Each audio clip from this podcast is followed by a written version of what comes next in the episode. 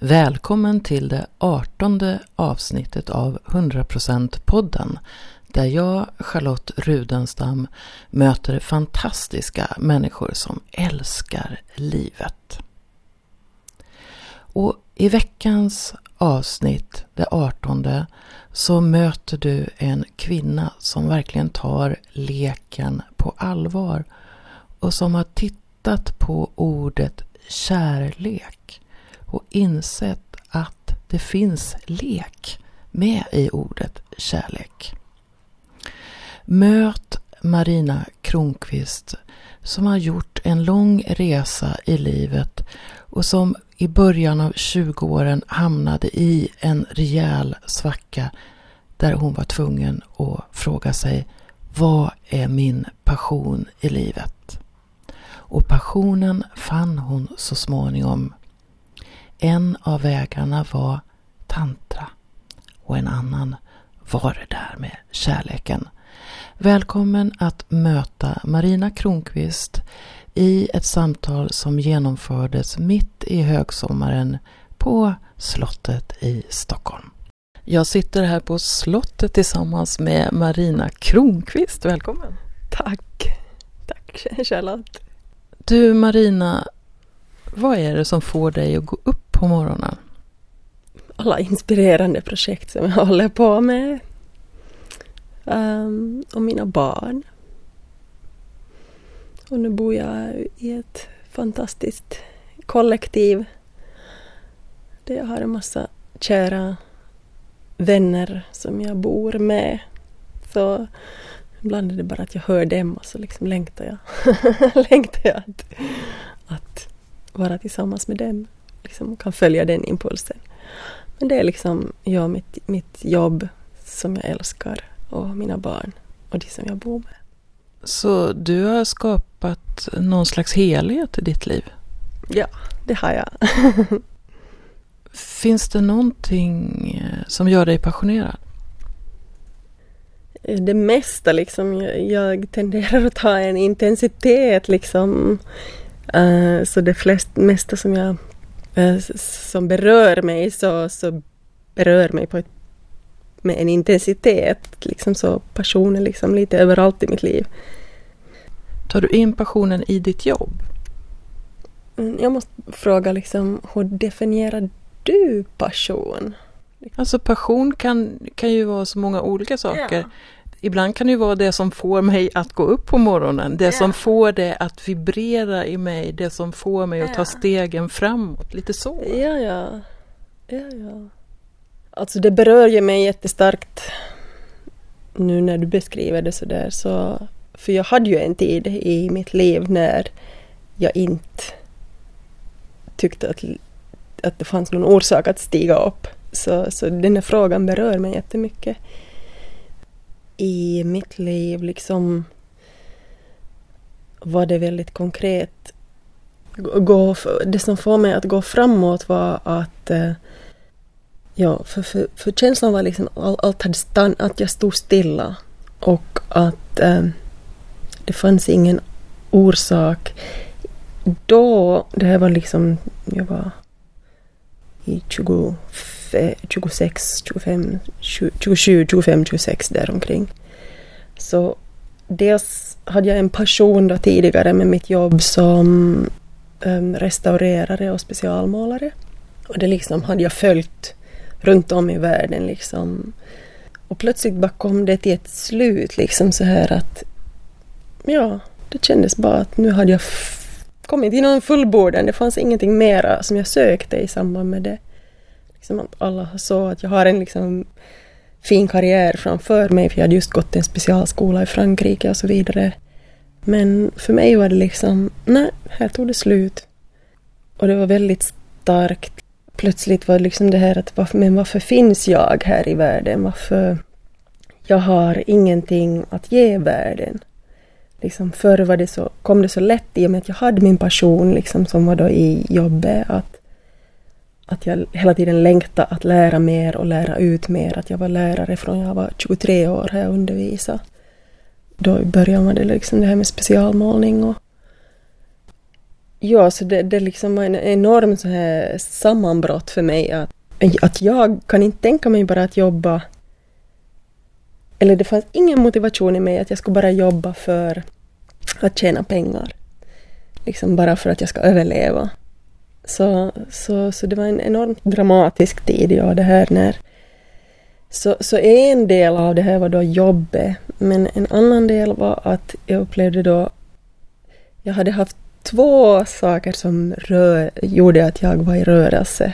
Så ena var då att jag älskade den här passionen med jobbet. Och sen var det hur jag för, blev förälskad och, och det som jag upplevde då var kärlek. Och plötsligt liksom... Så jag följde män lite överallt runt om i världen också. Eller de förhållanden som jag hade. Men plötsligt upplevde jag då att det inte var mera det som jag hade följt som kärlek. Det var inte kärlek. Så kärleken dog. Det som jag hade trott att var kärlek så plötsligt insåg jag att jag är bara en spratteldocka som sprattlar när det finns vissa liksom trådar som blir berörda. Så, så, det, så de här två sammanföll, att både liksom det här yrkesmässiga föll ihop och att min uppfattning av vad kärlek var så, så dog så båda liksom. Och då, då var jag liksom i sån här icke-rörelse jättelänge. Ett år liksom åtminstone som, som jag då inte hade någonting att stiga upp för på morgnarna. Men något gjorde att du ändå överlevde den här perioden? Ja, det var Herman Hesse och Steppenwolf. Steppvargen. Därför han beskriver en, en person som, som just självmordstyp. Väldigt vagt minne av boken, men jag kommer ihåg att, att det fanns liksom någon strategi om att man, man ger sig själv liksom en vecka till, man ger sig själv liksom en, en viss tid till. Så det liksom jag gav mig själv liksom tid till. Det, alltså det var, det var på, på allt sätt var den här tiden eh, när, när det stod stilla så alltså. jag kan idag se tillbaka på den på att det var en, en rik tid. För att jag gav mig själv så till hundra procent och det var liksom en massa med drömmar. Jag bodde i ett rum som var tomt. Att liksom jag gav det uttryck på allt sätt i mitt liv. Och någon kom också och gjorde en intervju om varför jag bor i ett tomt rum. Men vad var det som gjorde att, att rörelsen satte fart igen? Vad startade upp det igen, förutom då att du väntade en vecka? Ja, jag, jag gav mig alltid själv liksom en vecka till och sen en månad liksom, för att jag ville se, jag ville inte... Helt konkret i mitt fall så var det, det var tre goda vänner som jag som var väldigt nära i det här och, och kunde komma in och vara med mig. Så jag var inte liksom ensam. Men vad jag nu ännu tillägger då liksom att det var också att det var ett sammanbrott för mig liksom för att, att jag hade, så började få, hade panikattacker när jag gick ut liksom att jag klarade inte av att vara social. Att jag hade liksom en social fobi så att, um, att jag, ja, jag bara började skaka om jag var bland människor som i sociala sammanhang. Så, men jag hade de goda vännerna som kom hem till mig och en gång och liksom att vi, vi kunde vara inne i den en så här existentiell, väldigt djup existentiell forsk, utforskande tillsammans. Så en gång så hämtade de med att jo, nu ska vi göra en kundalini-meditation. Eh, och det var den här Osho kundalini meditationen. Så det gjorde vi där hemma i mitt kök. Och det här, jag bodde i Vasa i Finland på den tiden hur det nu var så flyttade jag till, Sto till inte till Stockholm men till Helsingfors. Och så råkade jag se vet, en, sån, en, sån, liksom en centimeters liten lapp på en dörr, liksom en centimeter och typ fem centimeter lång. Liksom. En superliten lapp. Och så går jag och tittar på den där och så ser jag kundalini meditation. och så var det liksom Osho-centret då i, i Helsingfors som jag råkade se när de har kundalini meditation. Och så som det kopplade till någonting som jag hade som positiv erfarenhet från Vasa. Så, så, så for jag då när det stod tid, när det har kundalini meditation, så for jag. Så råkade jag se då eh, en poster där som de hade på den och så såg jag en kvinna och som hade, skulle ha en kurs i kvinno, liksom women's circle och heart opening. Och hon, när jag såg hennes bild så var jag bara att den här kvinnan måste jag få träffa. Så jag hade bokat en session, jag bokade en session med henne direkt. Och så på den resan, det var liksom det är från henne som det sen nystades upp liksom att jag, jag for på hennes kurs vilket ledde till att jag då jag ville följa henne. Jag älskar hur hon jobbar. Liksom det rum som hon skapades. Det var för mig liksom så här att ett konstverk, det rum som hon skapade för oss. Ja, jag, var bara liksom så här att henne, henne det blev liksom så här någon, någon slags inprintning med henne. Och så erbjöd hon att vi kan komma med till Puna och vara assistenter när hon har uh, så här women, women's groups. Hon var en del av Osho-världen? Ja, ja. Hon var en Osho-terapeut, ja, som bodde då eh, i, i Osho-communityn där i. Så det var liksom bara som så här, inbjudan kom och, och för mig var det bara det här var då typ i oktober så till julen åkte jag dit och var där då. Där i Puna så var jag, var jag med på hennes kurser och, och vi skapade också en, en väldigt liksom en speciell relation mellan henne och mig. Där upptäckte jag då min första tantrakurs som jag gick på när jag var i Puna. Och det blev då liksom så här att det här älskar jag. Här liksom, ja, det bara kände jag att här liksom kom jag i, till liv igen i den här tantra-kontexten. Så, så då började jag också följa henne liksom. Så att jag ordnade då så att, att den här, och, och det kändes liksom med tantran då att det här vill jag ordna. Så jag ordnade då, det var Rada hette hon som hade liksom den tantrakursen. Så jag ordnade så att hon kom till Finland. Så därifrån började det liksom sakta så här att jag, jag blev passionerad över någonting och det var liksom då med det här med tantra så det började jag ordna direkt. Det är lite spännande för jag har gått en vecka med Rada när jag gick eh, en utbildning i Osho-världen också. Just det. liten värld. Ja, det är en liten värld. Så då hade du väckts till liv mm. igen kan man, kan man säga? Ja, det var liksom tantrakursen var väldigt viktig. Nu vet ju jag också att du på något sätt hamnade på universitetet. Ja. Så du vill veta hur jag hamnade på universitetet? Nej, men jag är bara lite spännande. Alltså hur, för att det känns som att du har hoppat mellan olika saker ja. i ditt liv. Men att det, att det finns... Jag tyckte att det var jättespännande att höra de här små som verkar som tillfälligheter som, som ändå gör att livet tar en helt ny vändning. Ja. För jag menar utan att du hade sett den där lilla skylten ja. så hade du förmodligen inte kommit till Pona. Nej. Och inte Nej. upptäckt tantra. Nej. Nej, det är sant. Det är liksom, för det var så påtagligt just den här lilla skylten, eller liksom inte skylten liksom på, ja det var, det var så absurt liksom. Jag känner ju dig sedan några år och och det som jag förknippar dig mycket med är lek. Mm. Kanske bara en del av dig, men kan du berätta lite grann om din relation till lek? Det var nog liksom över ett år liksom från det att jag hade det här sammanbrottet och som jag gav mig själv liksom bara undantagstillstånd att få leva. Och, och så började liksom jag kan inte komma ihåg liksom hur allting hänger ihop men i något skede liksom där så för det fanns, det hade varit så starkt liksom det här hur jag följde kärleken också, vad jag trodde var kärlek. Så, och den längtan fanns kvar i mig att, att, att kärlek, ordet kärlek skulle ha en betydelse för mig. Att det inte skulle vara bara liksom, jag försökte ersätta det med, vän, med, med, med snällhet. Liksom att det är viktigt att, att jag lägger mig själv i situationer som är snälla. Jag söker människor som är snälla. Kanske var det mera just sådär att följa det som är snällt för mig. Istället för att vad jag tror att jag ska få kärlek och vara i någon slags eh, kärleksutbyte så var det liksom den här utbytet av snällhet som kändes, vid eller som jag försökte ersätta det med. Men i alla fall så kom det då ett skede när när det plötsligt liksom bara zoomade in att jag såg det här ordet lek i ordet kärlek. Och det väckte liksom någonting det här kan jag känna igen och jag tror att det har att göra med det att det var en tid in efter att jag hade börjat min resa med tantran. För där gör man ju en massa dynam, liksom en massa övningar där man gör tillsammans med någon. Man möts i en strukturera, ett strukturerat möte.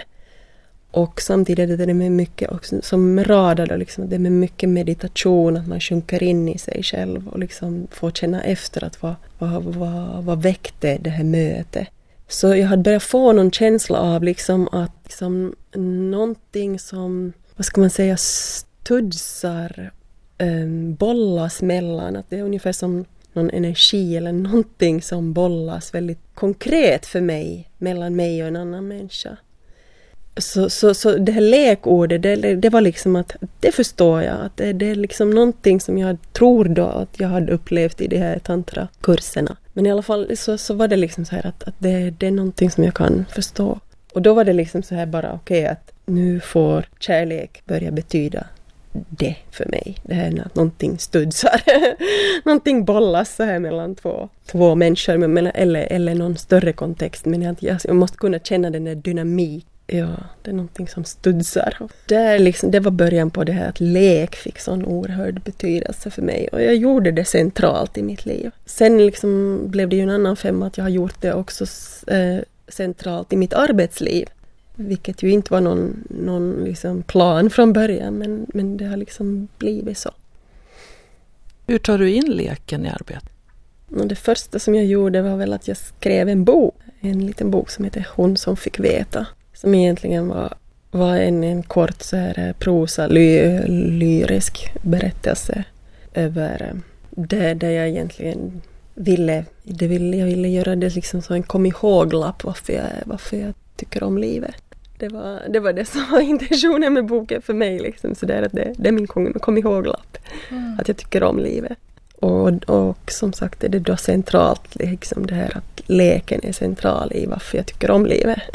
och när jag hade gjort boken så, så det, den var liksom plattformen. Så, så började jag tänka liksom på det sättet, på vilket sätt kan jag utveckla någon, Ja, för jag hade börjat jobba väldigt mycket med eller det var liksom frågan om om jag vill jobba med tantra och så vidare. Det som kändes då liksom mest så här liksom att, att det skulle vara nära mig och nära leken.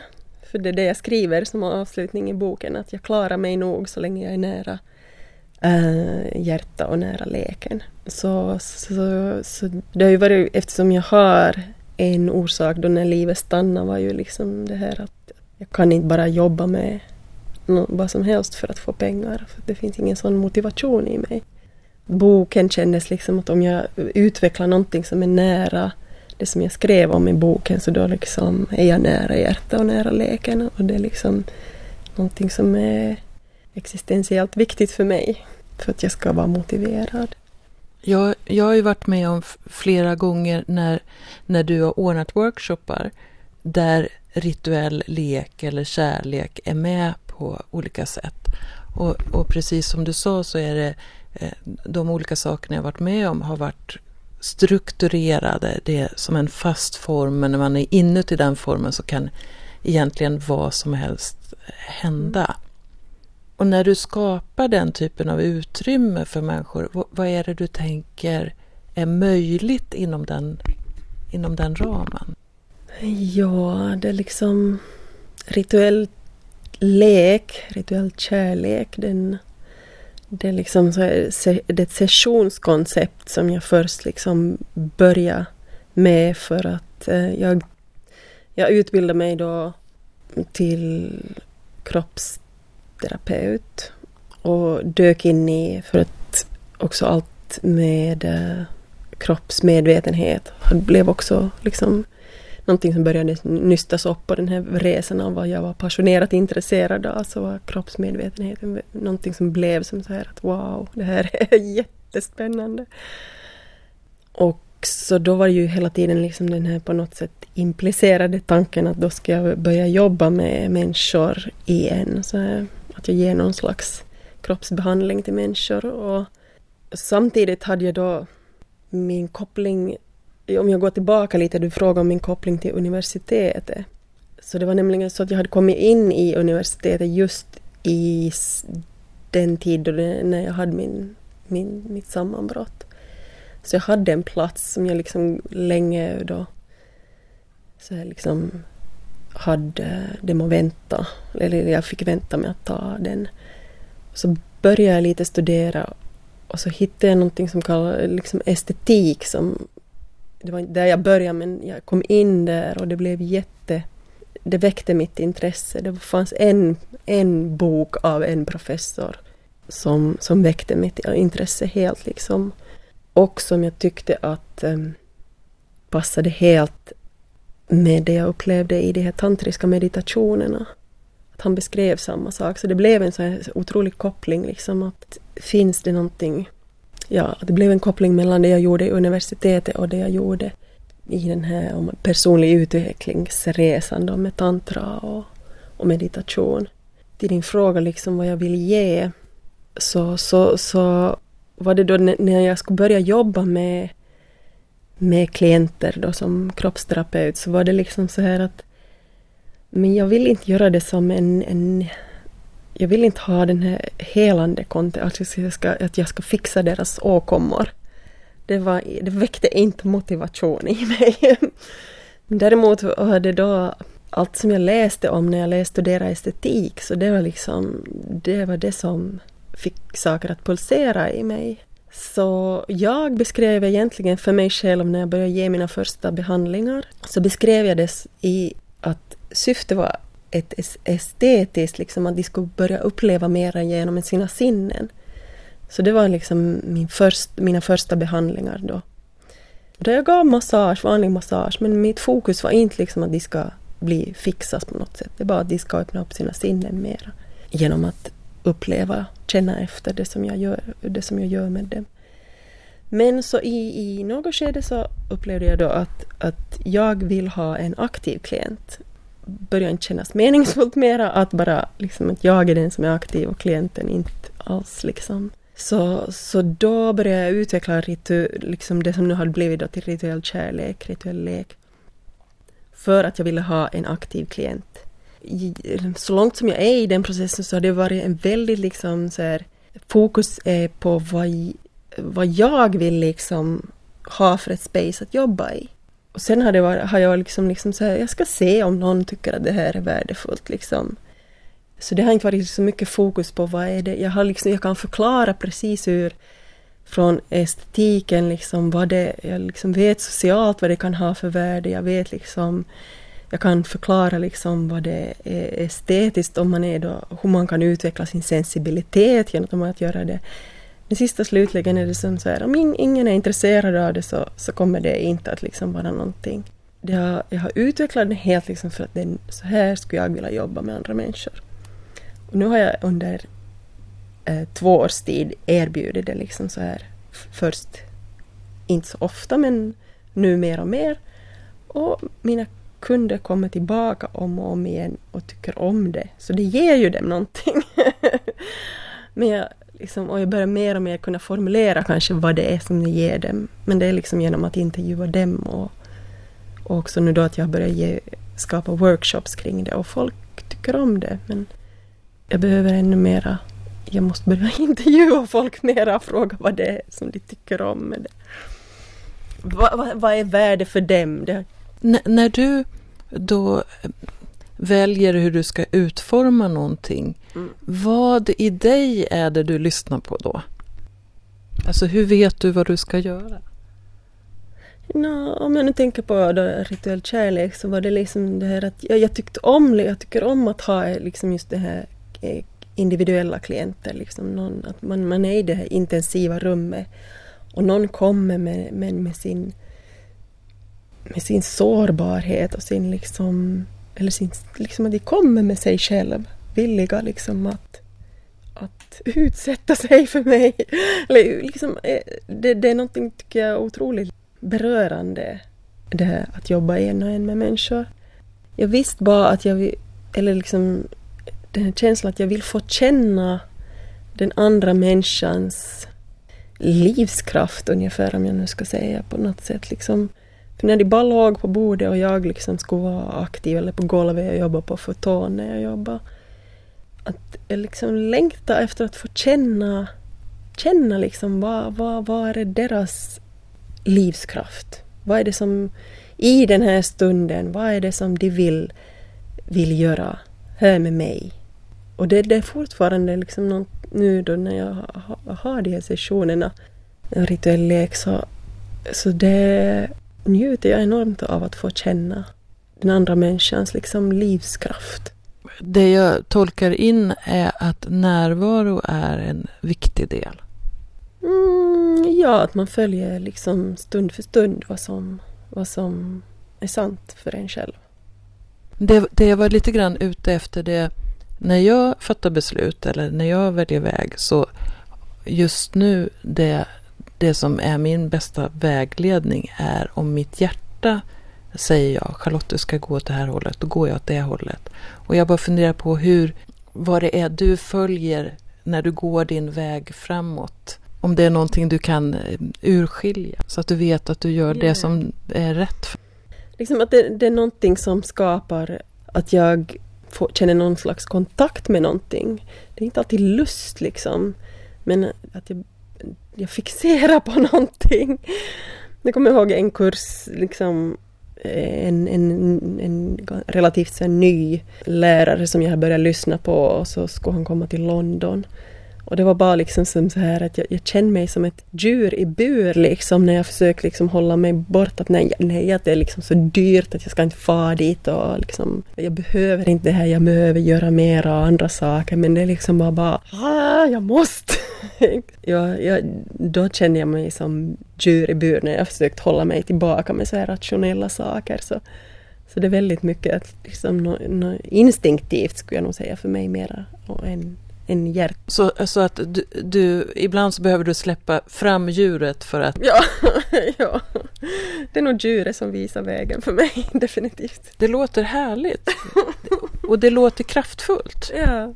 Ja, jag kommer ihåg alltså då när jag började, var helt i början av den här resan, att, att vakna till liv liksom och att, li, att liksom livet var spännande och, och fullt av möjligheter så, så var det Eh, började dansa, dansa då kontaktimprovisation och, och läst mycket, liksom Steve Paxton som är en av grundarna till, till kontaktimprovisationen och han sa liksom Take well care of your animal eller någonting sånt och det liksom var just, ja, jag kommer ihåg det så väl för det var, det var någonting jag, den resan som jag började då, att jag började ta hand om mitt djur. Det är roligt för att när du säger det så är det som att du blir mer levande. Ja. mm. Hur tar du mer hand om ditt djur? Det är nog liksom att jag håller min kropp, um, att jag lyssnar på den väldigt mycket. Ja. Jag har, det är en sån somatisk um, rörelsesekvens som jag gör varje dag så gott som jag försöker göra det varje dag som, som håller ryggraden, musklerna kring ryggraden liksom både liksom, så, så, som håller dem avslappnade och alerta egentligen. Att inte överspända. Så det är väldigt viktigt, liksom, den saken. Och um, sen Feldenkrais är någonting som har varit väldigt viktigt för mig. Det är också en sån här somatisk eh, kroppsmedvetenhetspraktik som, som jag känner är väldigt bra för mitt djur. Så det är mycket sånt liksom, där jag lyssnar in väldigt djupt på kroppen och rörelser. Sen att dansa, det är definitivt någonting som är bra för lilla djuret. Jag tänker så här att när, när du stannade till då under det här året som 25-åring så märkte du vad som inte fungerade mm. i ditt liv. Att det behöver finnas någon kon kontakt, det behöver finnas någon lust och, och djuret behöver då mm. aktiveras och så. Hur känner du idag igen när det är nej till någonting? Innan jag svarar på den frågan måste jag ändå säga att det allra bästa för djuret är nog rituell kärlek. det, det, är liksom det allra bästa för djuret.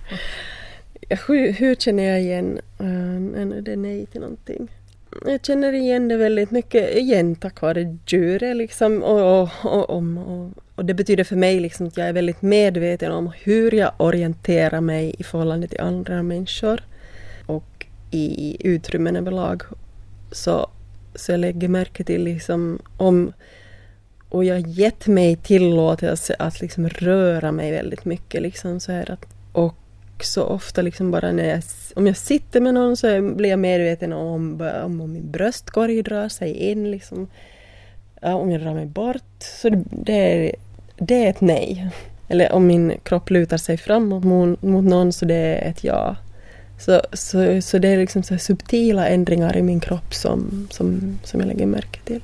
Och det är det som säger om det är ja eller nej väldigt mycket. Betyder det att du ibland behöver sakta ner farten för att lägga märke till de där subtila signalerna? Ja, det gör det. Om någon frågar dig, och nu frågar jag dig, vem är 100% Marina? Vad skulle du svara då? det är nog när jag får vara i det här rituella kärleksspacet som då är ett strukturerat space. Men det är ett uttryck, liksom. det, är ett, det är definitivt ett ställe där jag får vara 100 procent. Och som jag ju har skapat liksom just för att jag behövde ett space där jag får vara 100 procent och där jag får litar på liksom där ramen är satt på det sättet att jag är en gåva till dynamiken. Vad jag än känner i stunden, stund för stund, så är en gåva till dynamiken som finns där mellan oss just då. Så jag har egentligen med rituell kärlek så har jag skapat ett utrymme där jag kan lita på att här är jag välkommen och jag är en gåva just så som jag är 100% nu. Kan du få lite hjälp av dina barn att upptäcka hundraprocentaren i dig? Absolut.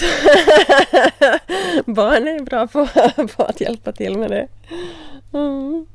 Jag tänker det att det, det här med, med leken, djuret, lusten, det är ju också någonting som kan känneteckna barn mm. när, eh, innan eh, allt är cementerat.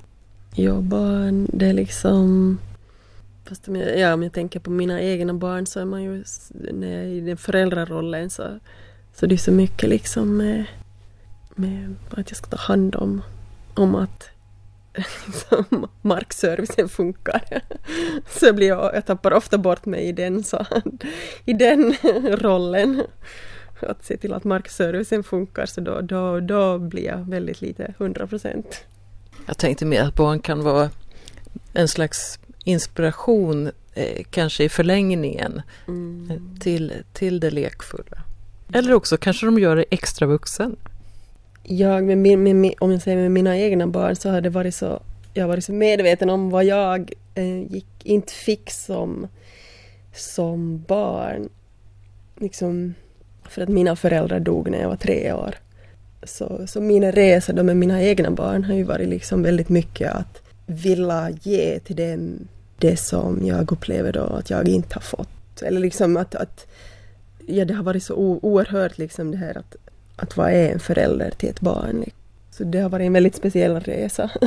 Kanske mm. från det här spåret. Nej, men jag tycker det är spännande. Mm. Eh, kan man säga att det faktum att du fick bli mamma mm. har, del, har, har inneburit någon slags läkning av ditt eget sår som kanske du fick för att du blev föräldralös?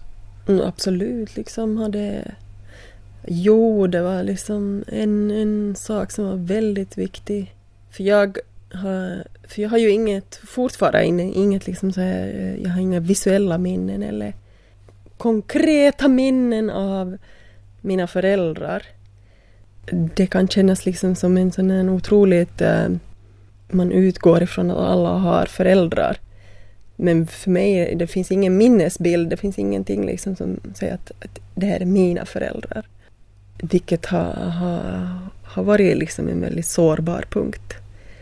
Men till exempel då när jag började med det här, allt med, med kroppsmedvetenhet så, så hade jag en, det var en, en, en partner som jag hade som som var väldigt insatt, liksom höll på med massa sån här kroppsterapi och kroppsmedvetenhet, liksom hans skicklighet och vad ska vi säga nu, att han hade utforskat så mycket på det området. Och en gång när vi låg tillsammans så, så höll han mig i sin famn och så förde han mig över från ena sidan, sin ena sida, så rullade han mig liksom väldigt sakta och försiktigt över till andra sidan.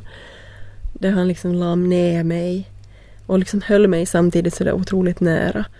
Och det var, liksom, det var så ljuvligt det här, han gjorde så långsamt och han höll mig så nära och liksom just i sin famn.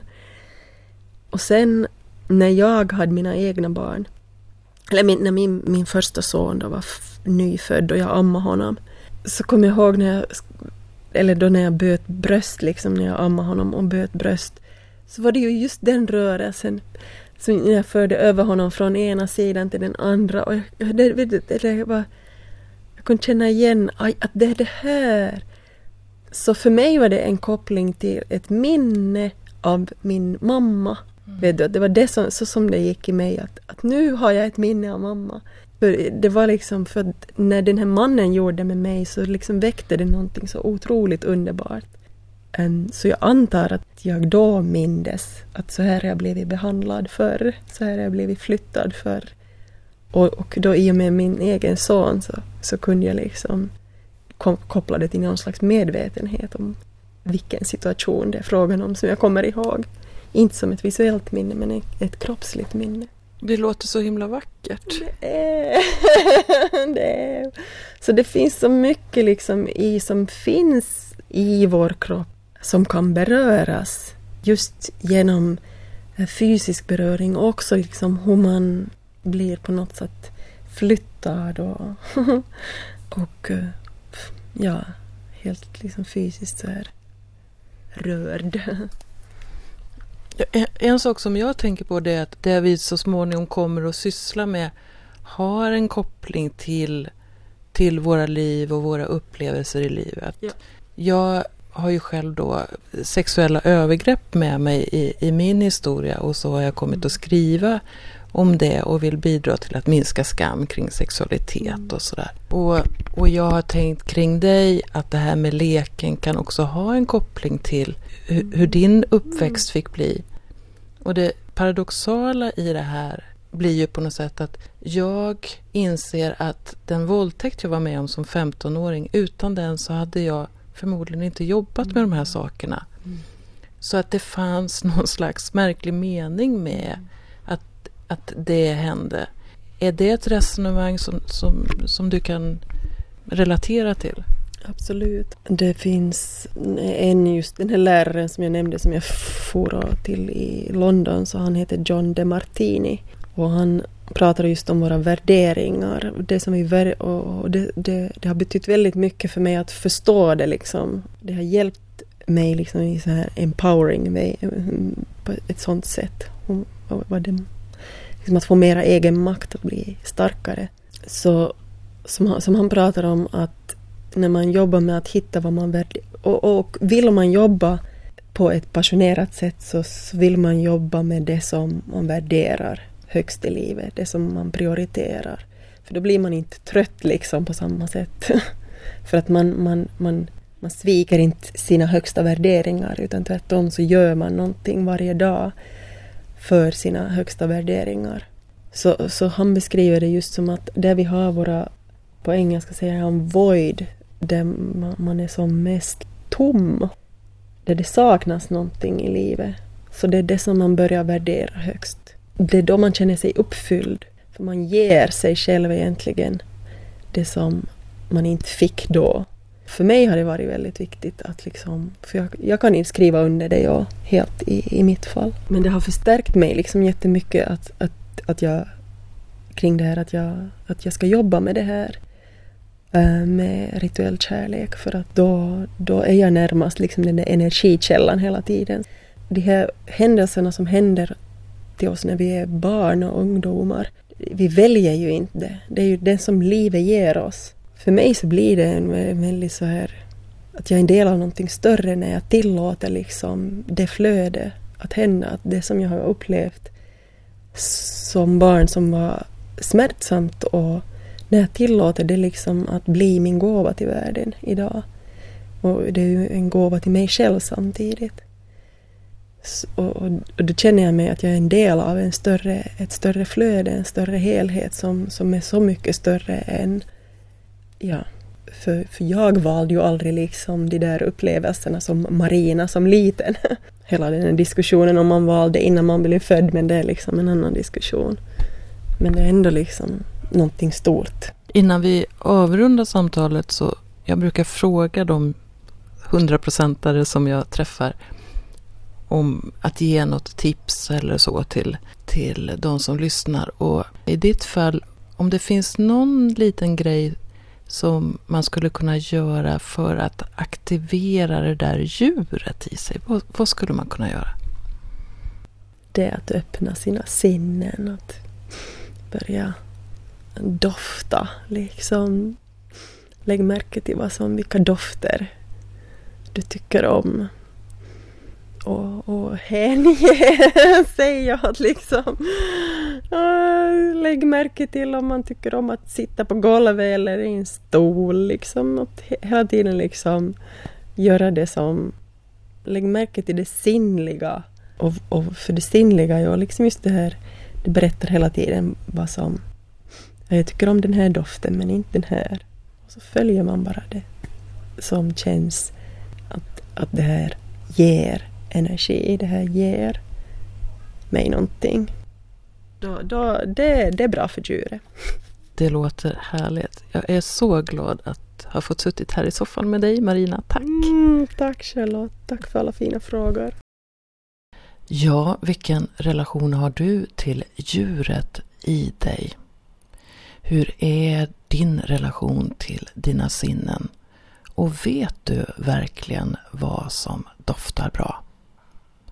Kanske du ska testa att gå en workshop eller ta en session med Marina Kronqvist när hon ägnar sig åt rituell kärlek.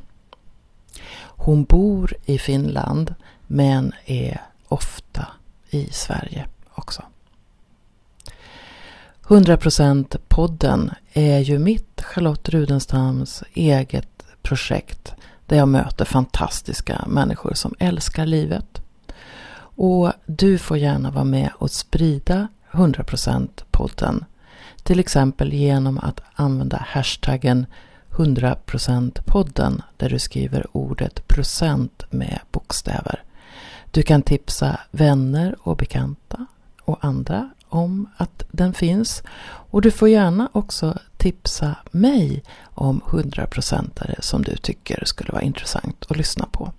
Det här projektet är ideellt än så länge. Så vill du stödja mig kan du gå in på min blogg lustochliv.blogspot.se och där kan du donera en slant via Paypal. Och du, lägg en hand på ditt hjärta. Ta ett djupt andetag och föreställ dig att du fyller på med den kärlek du behöver just nu för att du är värd det.